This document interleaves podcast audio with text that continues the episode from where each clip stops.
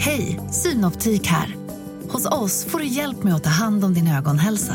Med vår synundersökning kan vi upptäcka både synförändringar och tecken på vanliga ögonsjukdomar. Boka tid på synoptik.se.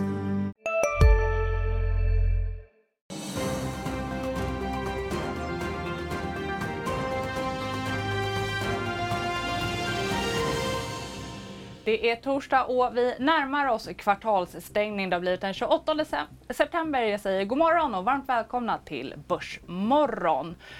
Det var svänget på Wall Street eh, med blandad stängning. Breda nedgångar på börserna i Asien. Stockholmsbörsen ser ut att stiga svagt vid öppning och i dagens program stigande oljepris eller på inflationsoro. Så blir det mycket investmentbolag. Warren Buffett han investerar i bostadsbyggare.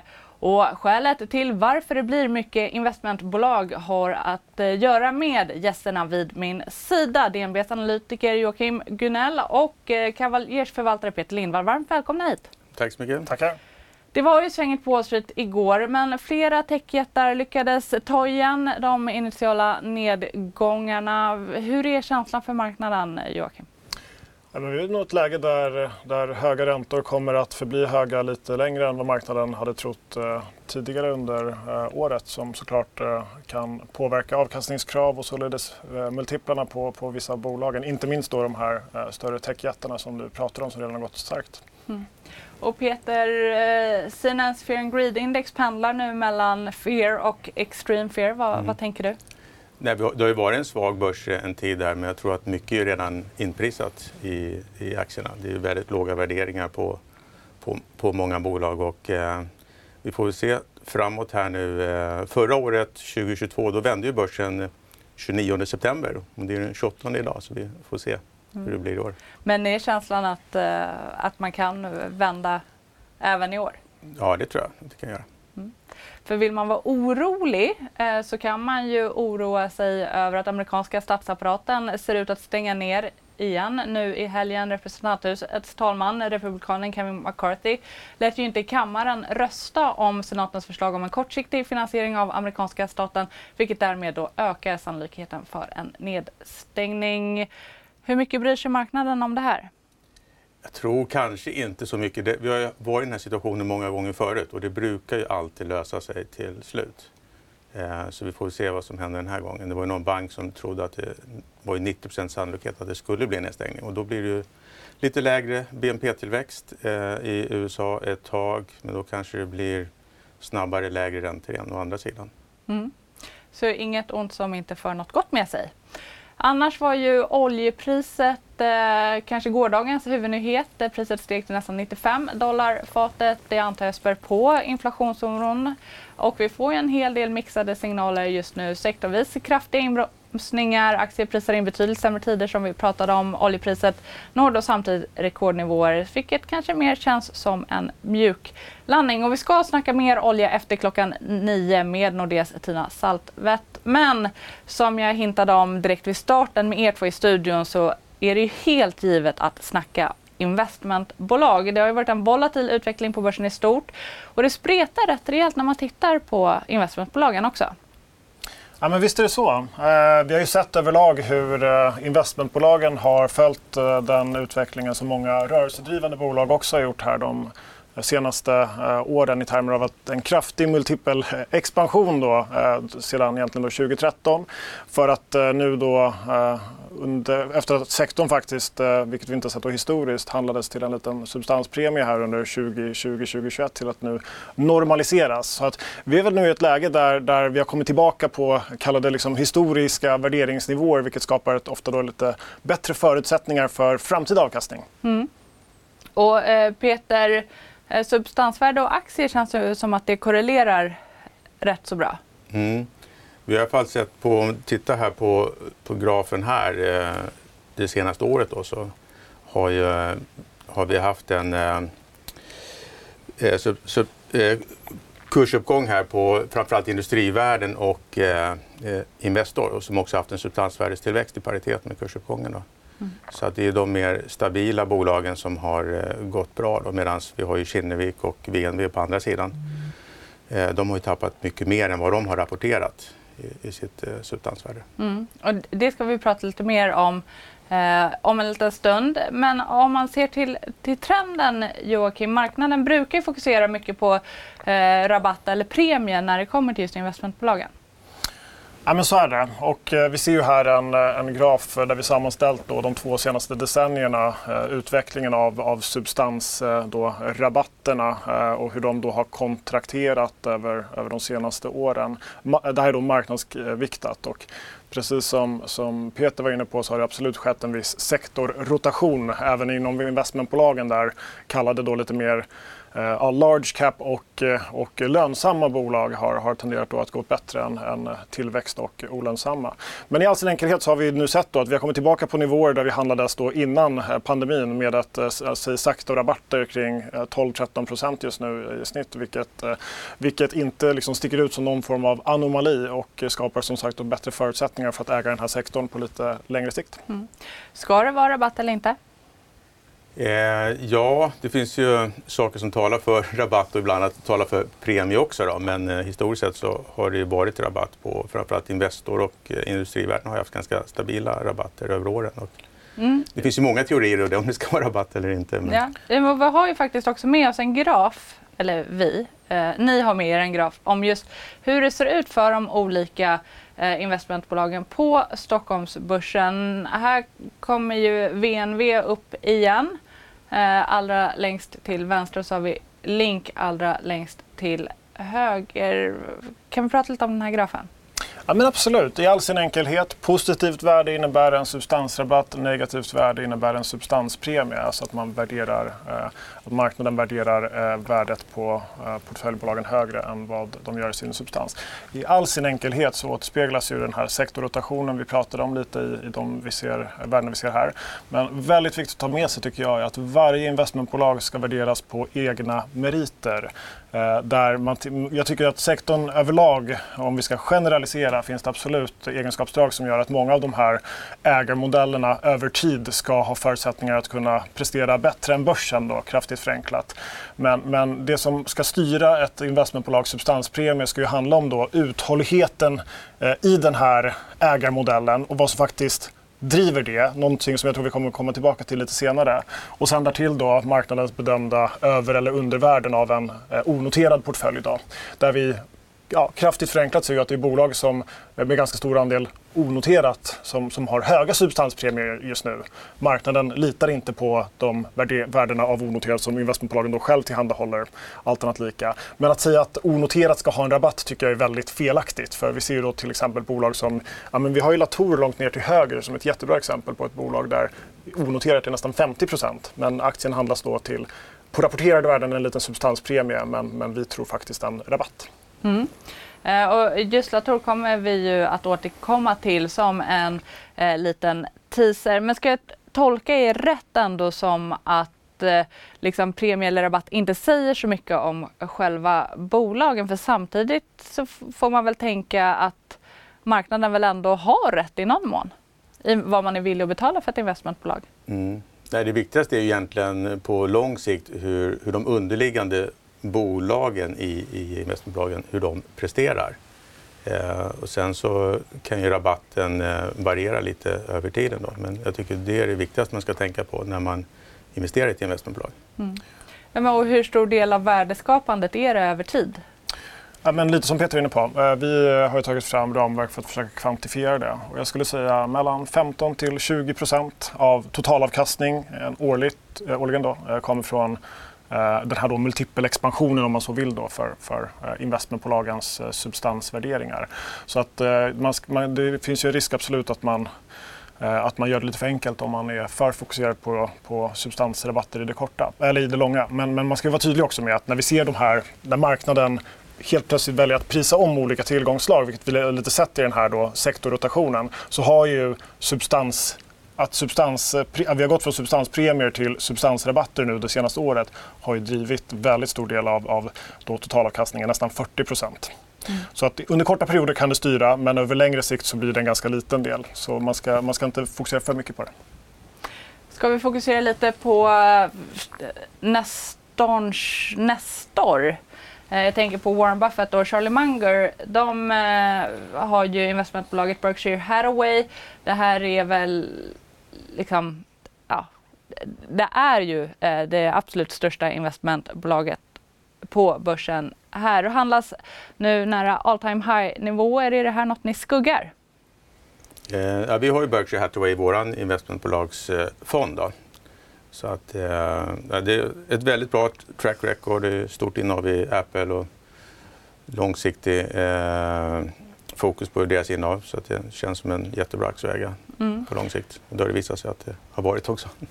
Och sen därtill så är det värt att betona då någonting som vi kommer uh, att synliggöra i en senare graf. Men just på tal om långsiktigheten som, som Peter är inne på så när, om vi tar då Apple som ett exempel, helt, eh, eller ganska iskall aktie 2016. Det är då i ett sånt läge Berkshire Hathaway går in i Apple.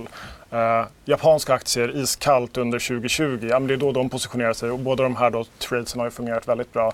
Husbyggare nu senast såklart men, men överlag så finns det ju, liksom, uh, det finns ju återigen då, unika egenskapsdrag med många investmentbolag. Och just Berkshire Hathaway har ju det här att uh, de via sina, sin försäkringsrörelse har ju då en, en float eller att de får in försäkringspremier innan de ska betala ut då som gör att de kan skapa lite hävstång i sin avkastning som också skapar ganska bra förutsättningar för att kunna över, avkasta börsen över tid. Mm, ja, men, och du nämnde ju där att eh, enligt eh, rapportering då till eh, amerikanska finansinspektionen SEC så har Berkshire Hathaway nu köpt aktier i eh, tre amerikanska husbyggare DR Horton, Lennar och NVR för motsvarande 10 miljarder kronor. Eh, här i Sverige skulle man kalla det ganska contrarian. Ja, det är lite paradoxalt men bakgrunden är att i USA så använder man sig av 30-åriga bostadslån.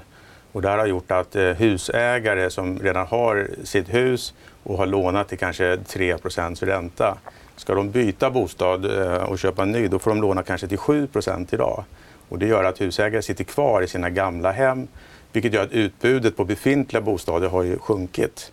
Då blir det en brist på bostäder och då blir det eh, eh, bra möjligheter för att bygga nya hus. Det blir en efterfrågan på nya hus för att befintliga hem, eh, utbudet har minskat. Då. Mm. Och eh, vi sa ju det att eh, man har lite hävstång här i Berkshire Hathaway. Men givet då den osäkerhet som ändå finns i marknaden, är det läge att ha kassa nu för att, för att kunna ta de här möjligheterna?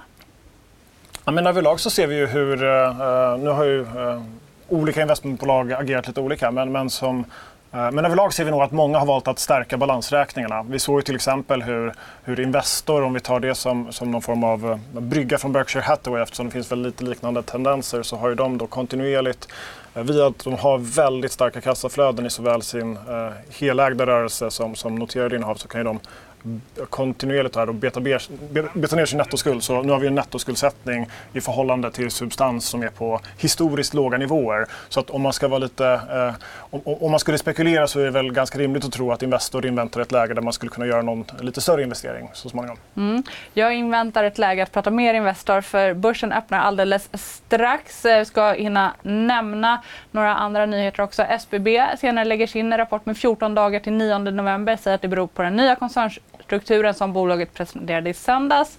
Läkemedelsbolaget Caliditas som redan säljer ett preparat på marknaden har fått särläkemedelsklass av amerikanska läkemedelsmyndigheten för ett annat preparat. Läkemedelsbolaget planerar nu att inleda ytterligare en fas 2-studie kring sjukdomen. Eh, Caliditas ligger ju i investmentbolaget Link bara som en liten koppling. 25% av substansen där. Ja, får se om det ger eh, någon effekt då på eh, även Link. Idag noterar också att medicinteknikbolaget Getinge har ingått en förlikning med två försäkringsbolag kring tidigare tvister. Getinge kommer att erhålla ett försäkringsbelopp om 450 miljoner kronor. Och nu slår klockan nio, marknaden öppnar. Sofie Gräsberg är redo för att ta oss igenom hur Stockholmsbörsen startar handeln.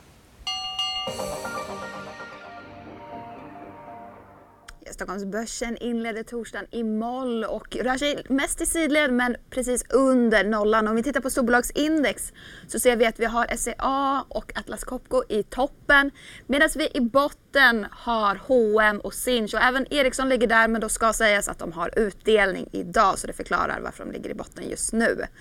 Men jag tänker vi börjar med H&M som precis vid börsöppning backar 1,5% De har ju efter gårdagens rapport fått slopad köpstämpel av Deutsche Bank som sätter riktkursen på 175 kronor från tidigare 195. Och även Goldman och Bernstein har justerat sina riktkurser. Och SBB som vi nämnde precis innan börsöppningen, de skjuter ju upp sin kvartalsrapport till den 9 november. Och idag så backar aktien en halv procent.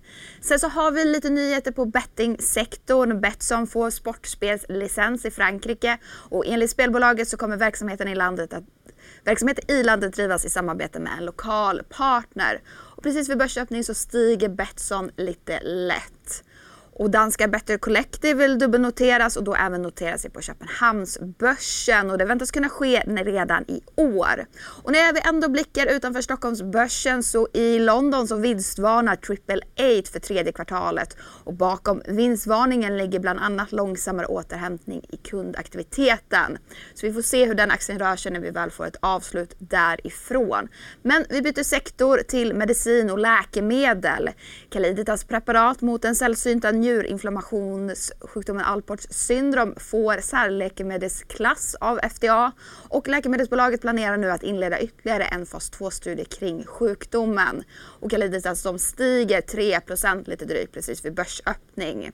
Desto mer stiger Cantargia som är upp 6,5 de rapporterar nya klinisk data kring sin läkemedelskandidat för behandling av bukspottkörtelcancer.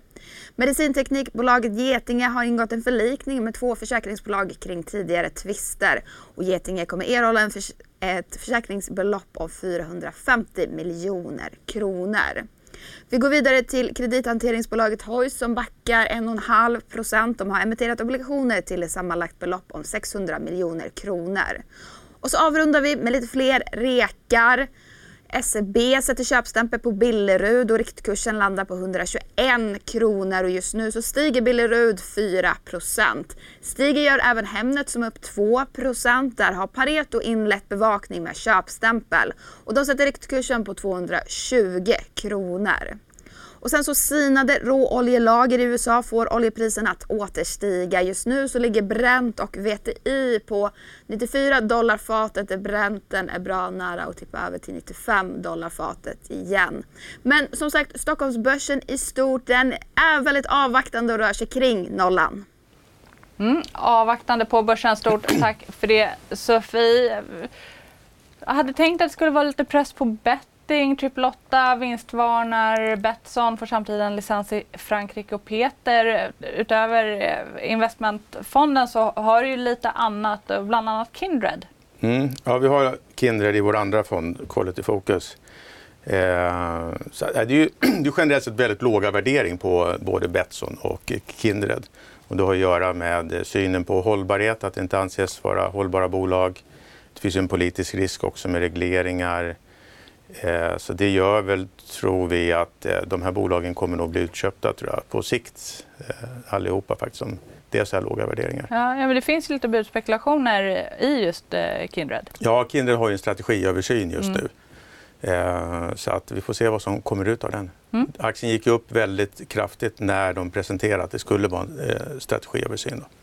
Har kommit ner Och nu har den kommit ner igen, ja precis. Ja. Eh, och, eh, jag lovade ju här i starten av programmet att eh, vi skulle prata mer om oljepriset. Vi ska återvända dit. Eh, oljepriset nådde ju alltså en ny rekordnivå för året i och med uppgången igår. Både Brent och amerikansk WTI handlas för nästan 95 dollar fatet. Och nu har vi med oss Nordeas Tina Saltvedt. Eh, välkommen till sändning. Noterade lagren i USA. Hur överraskande är det här? Ja, det var ganska överraskande att de falt så kraftigt till eh, kritiska nivåer eh, i detta viktiga område Cushing i Oklahoma i USA, hvor mycket av oljan går inom egentligen, Det är en sån transport, eh, ett transportpunkt, men det är också stora lager där. Och då de fallit så kraftigt som de gjorde nu så är det klart att det gav ett lite støkk i markedet. Nettopp fordi at vi nå begynner å nærme oss da vintersesongen, hvor nettopp behovet for olje, spesielt da kanskje i USA, men eh, kanskje også i Europa, avhengig av hvordan energisituasjonen är, så bruker man jo den noe da, til, eh, till fyring. Hur mycket spär det här på inflationsoron i eh, framförallt USA? Det är klart att högre drivstoffpriser, eh, högre oljepriser bidrar ju till att man blir ju nervös för att detta kan bidra till att hålla eh, inflationsproblematiken, alltså eh, nettopp det att man bidrar till att hålla inflationsförväntningarna högre längre och att då eh, centralbankerna då må strama till ytterligare än det som kanske ligger inne idag. Nettopp för att olja är ju en ingrediens i väldigt mycket, speciellt allt som transporteras runt eh, på jorden och att den då också kan bidra till att öka presset på priserna en längre period. Men för samtidigt, vi pratar ju mycket om eh, mjuklandning, men vi pratar om också lågkonjunktur, risk för recession. Borde inte oljan gå ner då om, om vi ska in i lågkonjunktur? Det vi har sett nu är ju nettopp att eh, OPEC, eh, detta oljesamarbete av producerande land. I tillägg så har det ju hjälp av Ryssland, har ju kuttat sin produktion eh, kraftigt och har sagt att de kommer till att fortsätta med att ha kraftiga kutt fram till slutet av detta året. Och det har ju bidragit till att lyfta priserna. Det är ju akkurat det de önskar med runt 30 procent från bunden i juni-juli-tider till, eh, till nu. Så det har ju bidragit till att marknaden har strammat sig till ytterligare. Men det är ju ingen tvivel om att uh, eh, fremdeles är vi så pass avhängiga av olja som en energikälla. Högre oljepriser har en effekt eh, uh, då på, på pris, eh, uh, prisutvecklingen och vill ju efterhvert lägga en dämpare på den ekonomiska växten, allt annat likt. Och på den måten så på sikt så vill det bidra till att redusere veksten i oljeetterspørselen. Så egentlig det motsatte av hva eh, OPEC og, og, Russland ønsker på lengre sikt. Men på kortere sikt har de jo ønsket å få prisene opp, och det har de lyckats med. Ja, och jag eh, såg på Bloomberg att det bara är en tidsfråga innan oljepriset når 100 dollar. Vad tror du om prisutvecklingen då på kort sikt? Nu går vi jo in i en period, akkurat nu i eh, type oktober, hvor markedet roer sig lite grann, alltså efterfrågan roer sig lite grann. Eh, det är ju för att det är før da vintersesongen virkelig tar til. Og så blir det jo avhengig av hvor kaldt blir det egentlig i Europa, i Nord-Amerika, altså på den nordlige halvkule. For det vil jo være en viktig driver av oljeetterspørselen. Men som sagt, OPEC-landene pluss Russland, dette samarbeidet som har pågått nå en god stund, de har ju kuttet produktionen och leveranserna till världsmarknaden ganska kraftigt och det har ju bidragit till att lyfta oljeprisen. Eh, och det har de ju önskat så jag tror nog att den kommer att ligga högt över en längre period men som sagt då, det vill ha en dämpande effekt på världsekonomin som igen då efterhvert vill eh, bromsa upp. Stort tack Tina Saltvedt för att du var med här i Börs morgon. Vi ska vända oss tillbaka till investmentbolagen. Vi hann nämna Investor precis innan börsöppning som jag förstått att ni båda gillar. Om man vill vara lite elak så kan man ju istället säga att det är lite av en tråkig aktie. Ja, det är, jag förstår vad du menar, men om vi ska vara rent krasst då. Alltså Investor är nog det ideala portföljankaret eh, utifrån att eh, du har en, en, eh, en, du kan ta rygg på en ägarfamilj som, som allt annat lika då har, har kunnat skapa väldigt stora värden över tid. Vad jag tycker att man lite missar Investor för att man ser ju den noterade, de noterade kärninnehaven som utgör nästan då 70% av Investor som någon form av kallade proxy på Stockholmsbörsen. Eh, och så må vara fallet, men vad som inte får riktigt den uppmärksamheten som jag tycker det förtjänar är ju det faktum att eh, de har byggt den här då helägda privata rörelsen i eh, Patricia Industries som, som har sedan några år tillbaka faktiskt nått väldigt eh, betydande, eller kritisk massa. Eh, om vi ska vara rent krasst då så omsätter, eller gör ju den rörelsen nu ett resultat som motsvarar på aggregerad nivå vad ett Epiroc gör. Så att, eh, det, är ett, det är ett ganska stort bolag. Det är jättefina kassaflöden i den här delen av portföljen eftersom, och eftersom Investor äger kassaflödena när de äger 95% av bolagen, då kan ju de styra över dem själva och har en helt annan flexibilitet när det kommer till att bygga substanstillväxt. Så att kraft Hej, Ulf Kristersson här. På många sätt är det en mörk tid vi lever i. Men nu tar vi ett stort steg för att göra Sverige till en tryggare och säkrare plats. Sverige är nu medlem i Nato. En för alla, alla för en. Har du också valt att bli egen? Då är det viktigt att skaffa en bra företagsförsäkring. Hos oss är alla småföretag stora och inga frågor för små. Swedeas företagsförsäkring är anpassad för mindre företag och täcker även sånt som din hemförsäkring inte täcker. Gå in på swedea.se företag och jämför själv. Förenklat har vi en graf här som visar bara att eh, den här liksom underliggande kassaflödesgenereringen i den här onoterade portföljen vi har Mölnlycke då som, som är eh, såklart galjonsfiguren eftersom det är den största delen av, av, av eh, Patricia Industries. Rent krasst så har Investor redan fått tillbaka i termer av utdelningar från Mölnlycke mer än två gånger vad mer än dubbelt så mycket av vad man eh, har investerat i Mölnlycke. Och det finns andra bolag som är på väg att göra den kallade Mölnlyckeresan. Vilket gör att Investor har ganska goda förutsättningar att i 70% av portföljen kunna avkasta ungefär som Stockholmsbörsen om vi då ska förenkla det. Där den eh, överavkastningen i Investor kan tänkas komma från den här privata delen. Så att eh, ett, eh, en sån aktie som har väldigt goda förutsättningar att över tid säg outperforma börsen med 1-2 procentenheter. Mm. Och det här kanske vi redan då har pratat om. Men, men Peter, hur ser du på Johan Forssells möjlighet att liksom driva värde i de ganska många portföljbolagen? Eh, ja, det är en svår fråga, men de är ju långsiktiga ägare och de har ju eh, en möjlighet att tillsätta bra styrelser eh, med sitt kontaktnät och jobba långsiktigt. Så att, det tror jag är bra möjligheter. Mm. För det som jag också funderar, jag tänker att vi kanske ska börja jämföra lite bolag också som jag tycker är spännande att göra. Men just det här under liksom hela hypen, det som nästan var som en bubbla på börsen 2021, då pratade man mycket så här, men när ska Investor gå in, när ska, när ska de mm. agera, när ska de köpa? Och de satt väldigt, väldigt lugnt i, i båten. Är det mm. en av Investors styrkor, just att, att man lite liksom sätter på skygglapparna och bara gör sin grej?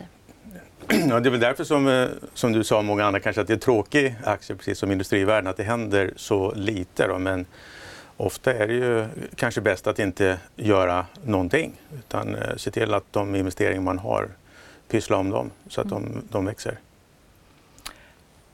Jag tänker att vi ska börja prata lite Kinnevik. Blir det att vi jämför äpplen och päron då? Uh, ja, nej, men det tycker jag nog. Uh, att uh, man kan nog inte se på alla investmentbolag med, med samma lens. jag tycker att det finns, man måste ta med sig då att Kinnevik är också ett investmentbolag som, som har varit i liksom, säg, konstant på nytt födelse genom historien. Och det är kanske inte helt rättvist att jämföra hur Kinnevik såg ut för 10-20 år sedan med hur portföljkompositionen är idag. men medan Investor finns det ändå mer överlappande tendenser så att säga. Men, men kanske varit lite skillnad i agerande eh, mellan Investor och Kinnevik?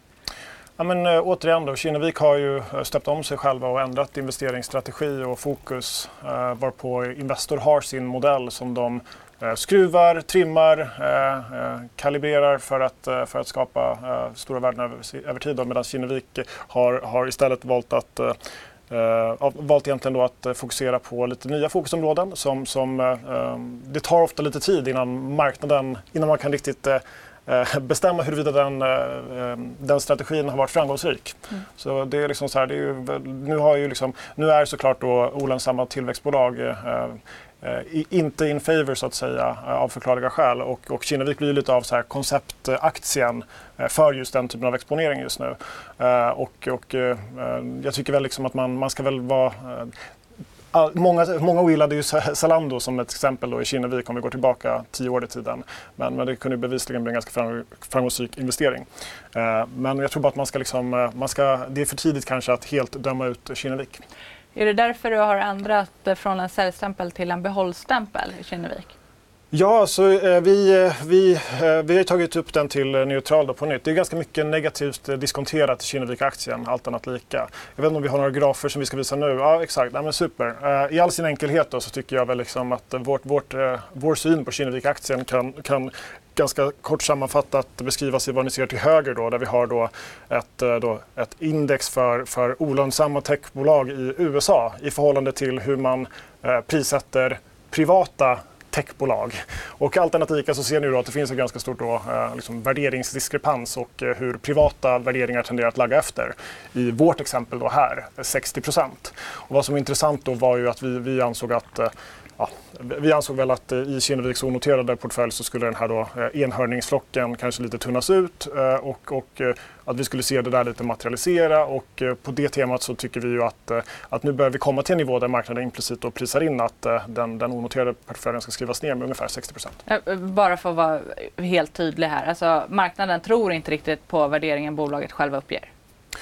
Men så kan man se det. Ehm, och sen så eh, har ju det liksom, man kan också säga att det har accelererats nu på sistone. Det finns ju tekniska eh, effekter, effekter här i, i investmentbolagen där, där om man har en ägarfamilj som sitter på stor del av aktierna så är free floaten lite begränsad. I Kinnevik är visserligen inte så fallet men Kinnevik exkluderades ur det här MSCI-indexet på sistone.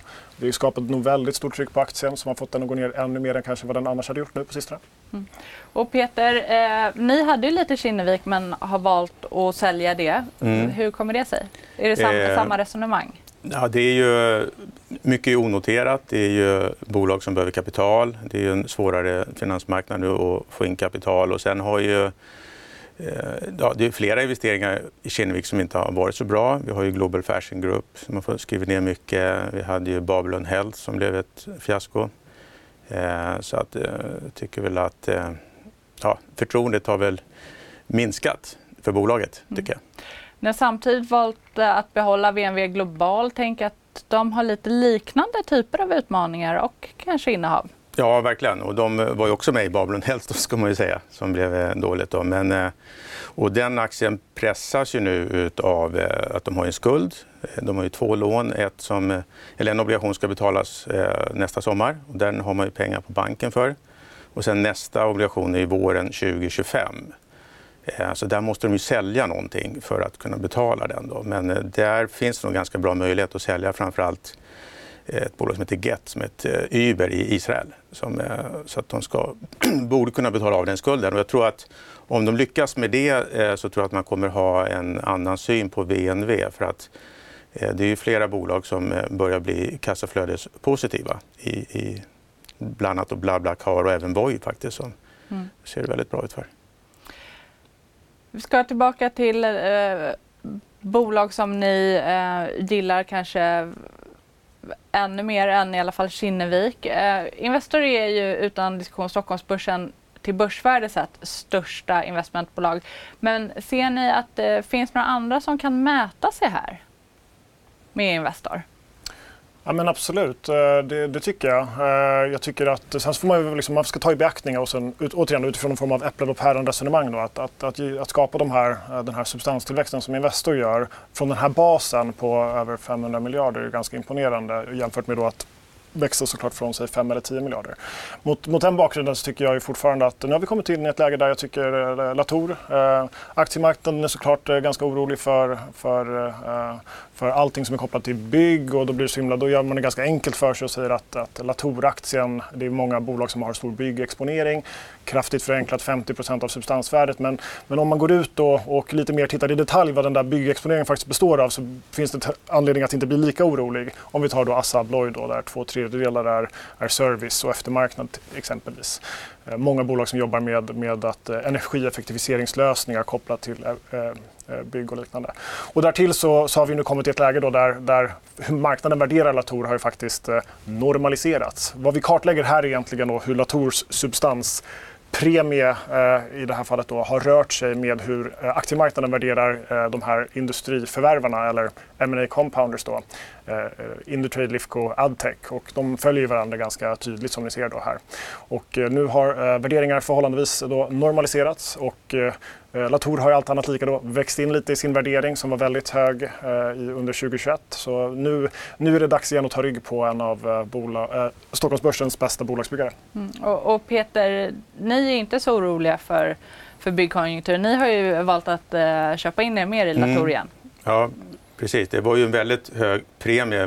Det var väl nästan 90 procent där när de jämfördes med serieförvärvarnas höga, alltför höga värdering som var då.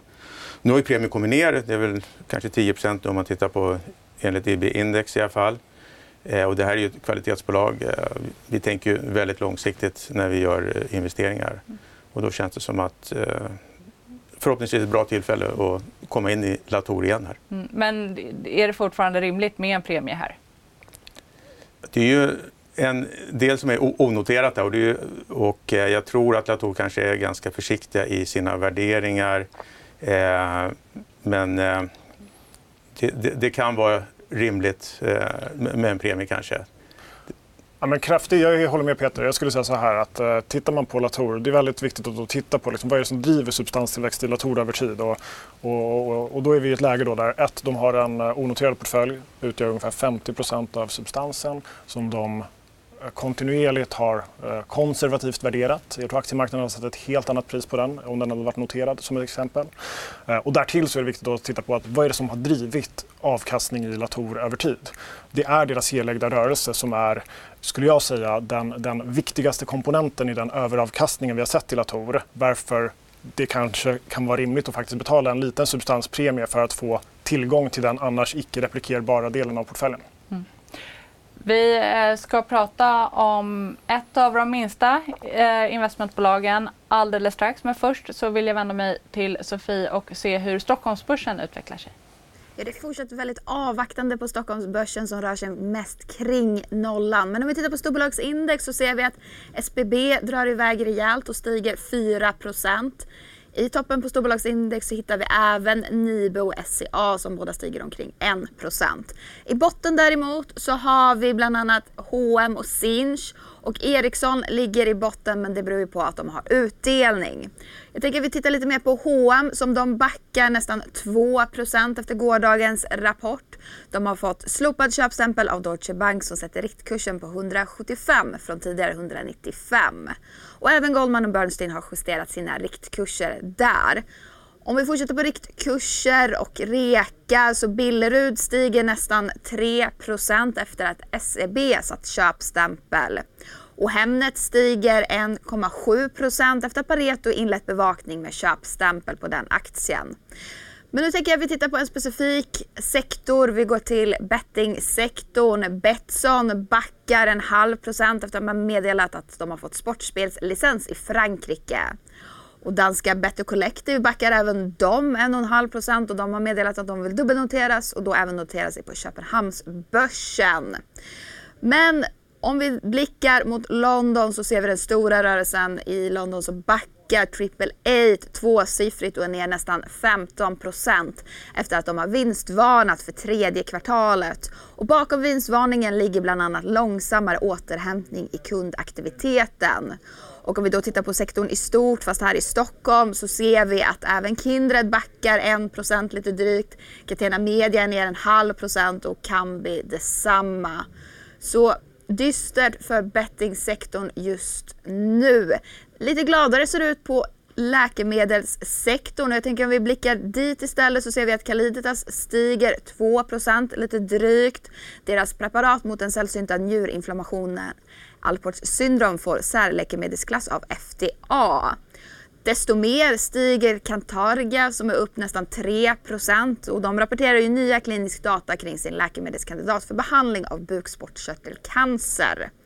Och så tänkte jag att vi avrundar med oljepriserna. För sinade råoljelager i USA får oljepriserna att åter stiga.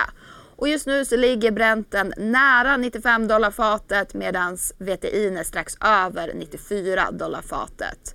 Men som sagt, Stockholmsbörsen i stort, den är väldigt avvaktande men just nu så stiger den faktiskt 0,1 procent. Mm, stort tack för det Sofie. Avvaktande på börsen. Aktivitet här i studion. Vi har pratat många av de stora investmentbolagen, även det största. Jag tänker att vi ska gå till andra delen av spektrat. Eh, First North-listade byggmästare AJ Ahlström gillar du Peter? Mm, det är ett, eh, ett av de eh, minsta investmentbolagen här. Och på bilden där ser vi ju den substansvärdestillväxt som investmentbolagen har haft de senaste fem åren. Och där ligger ju byggmästare har ju Ahlström och eh, Spiltan och Creades i, i topp. Då.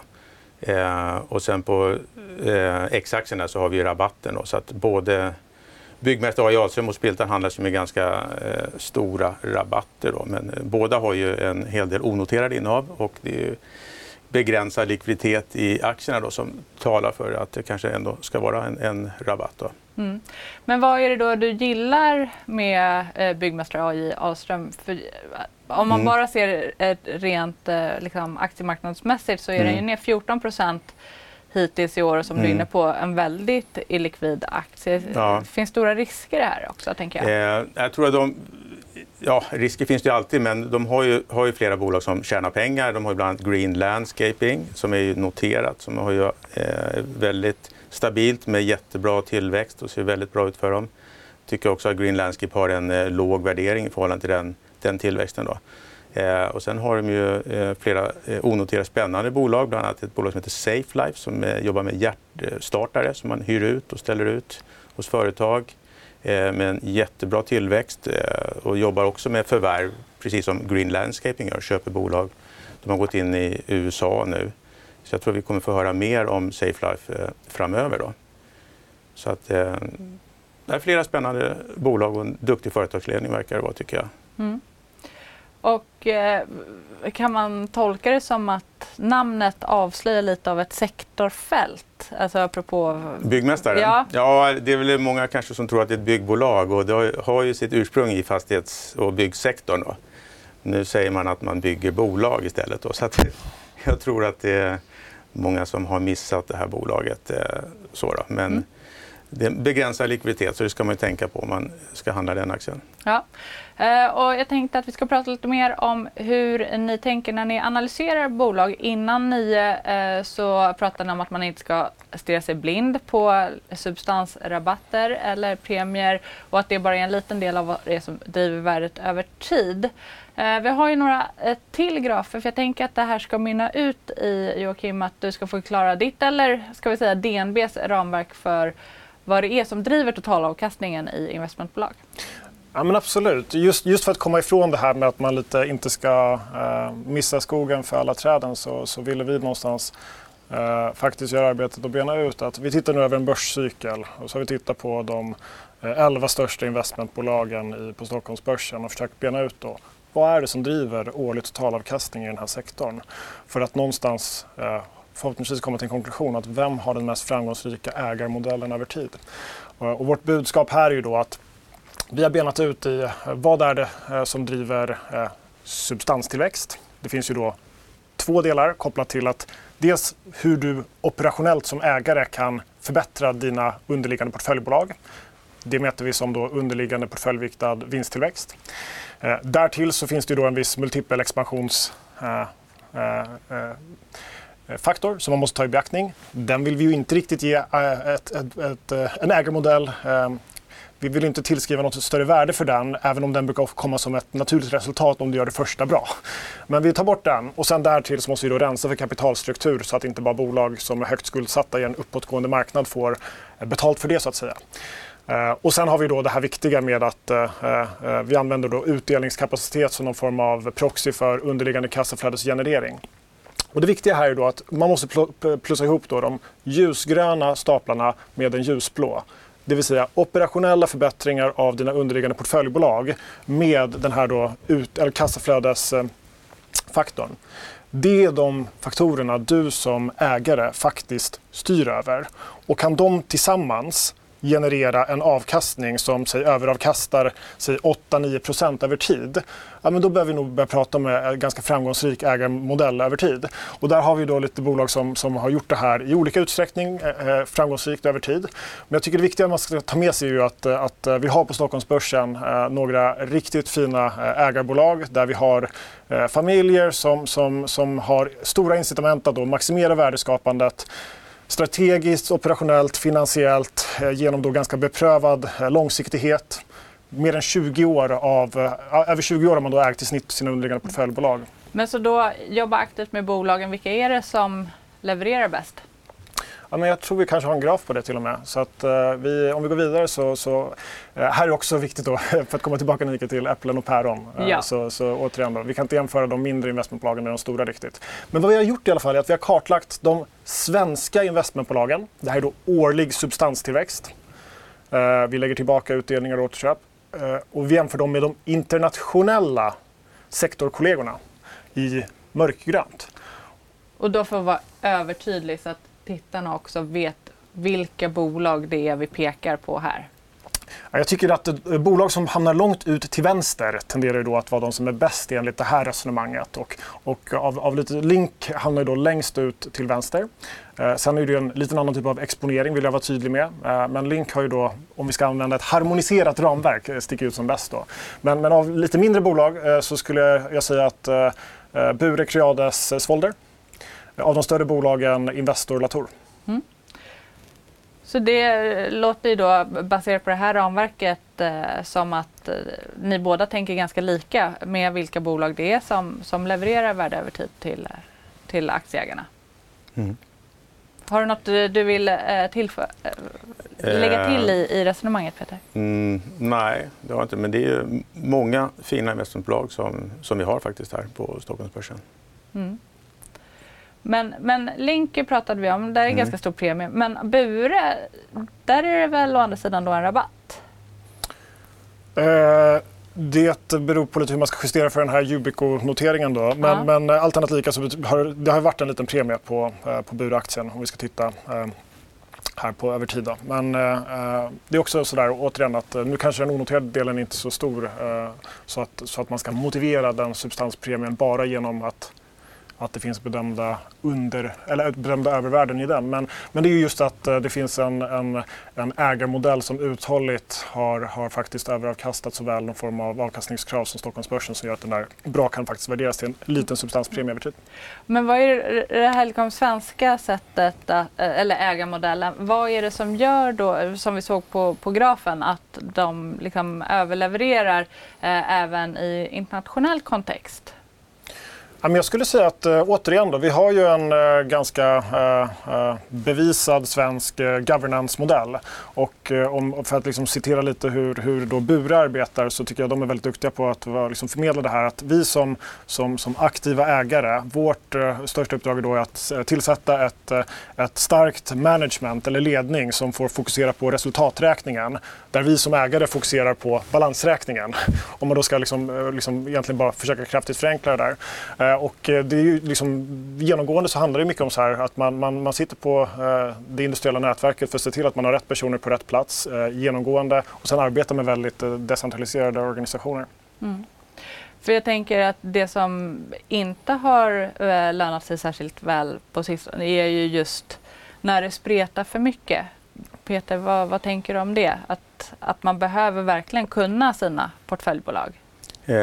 ja, det, det, samtidigt vill man ha riskspridning tycker jag när man investerar i investmentbolag. Så att, eh, eh Bure har ju en väldigt liksom, fokuserad eh, portfölj. Eh, och, eh, så att då tar man ju egentligen en, en högre risk. Går det bra för de bolagen, eh, Mycronic och Vitrolife, då, då blir det väldigt bra utveckling för Bure. Men, eh, så det ska man ju tänka på också, att man tar en lägre risk om man köper Investor eftersom det är, mycket, det är en bättre riskspridning i Investor.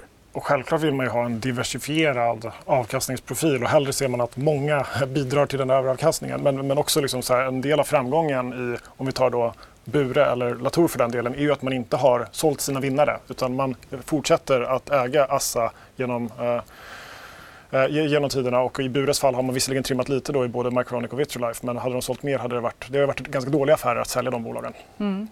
Så behåll det som är stabilt, plocka in lite risk på sidan. Mm, ja, men det låter som en bra strategi. Ja.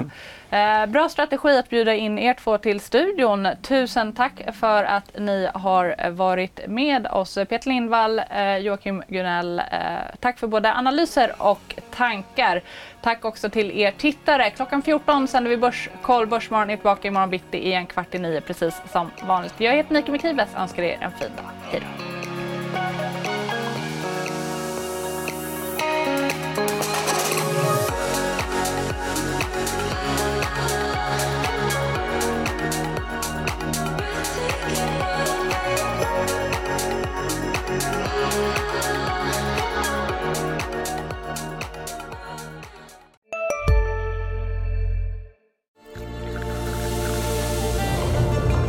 Välkommen till Maccafé på utvalda McDonalds restauranger med Baristakaffe till rimligt pris. Vad sägs om en latte eller cappuccino för bara 35 kronor? Alltid gjorda av våra utbildade baristor. Ska några små tassar flytta in hos dig? Hos Trygg Hansa får din valp eller kattunge 25% rabatt på försäkringen första året. Läs mer och teckna djurförsäkringen på trygghansa.se. Trygg Hansa, trygghet för livet.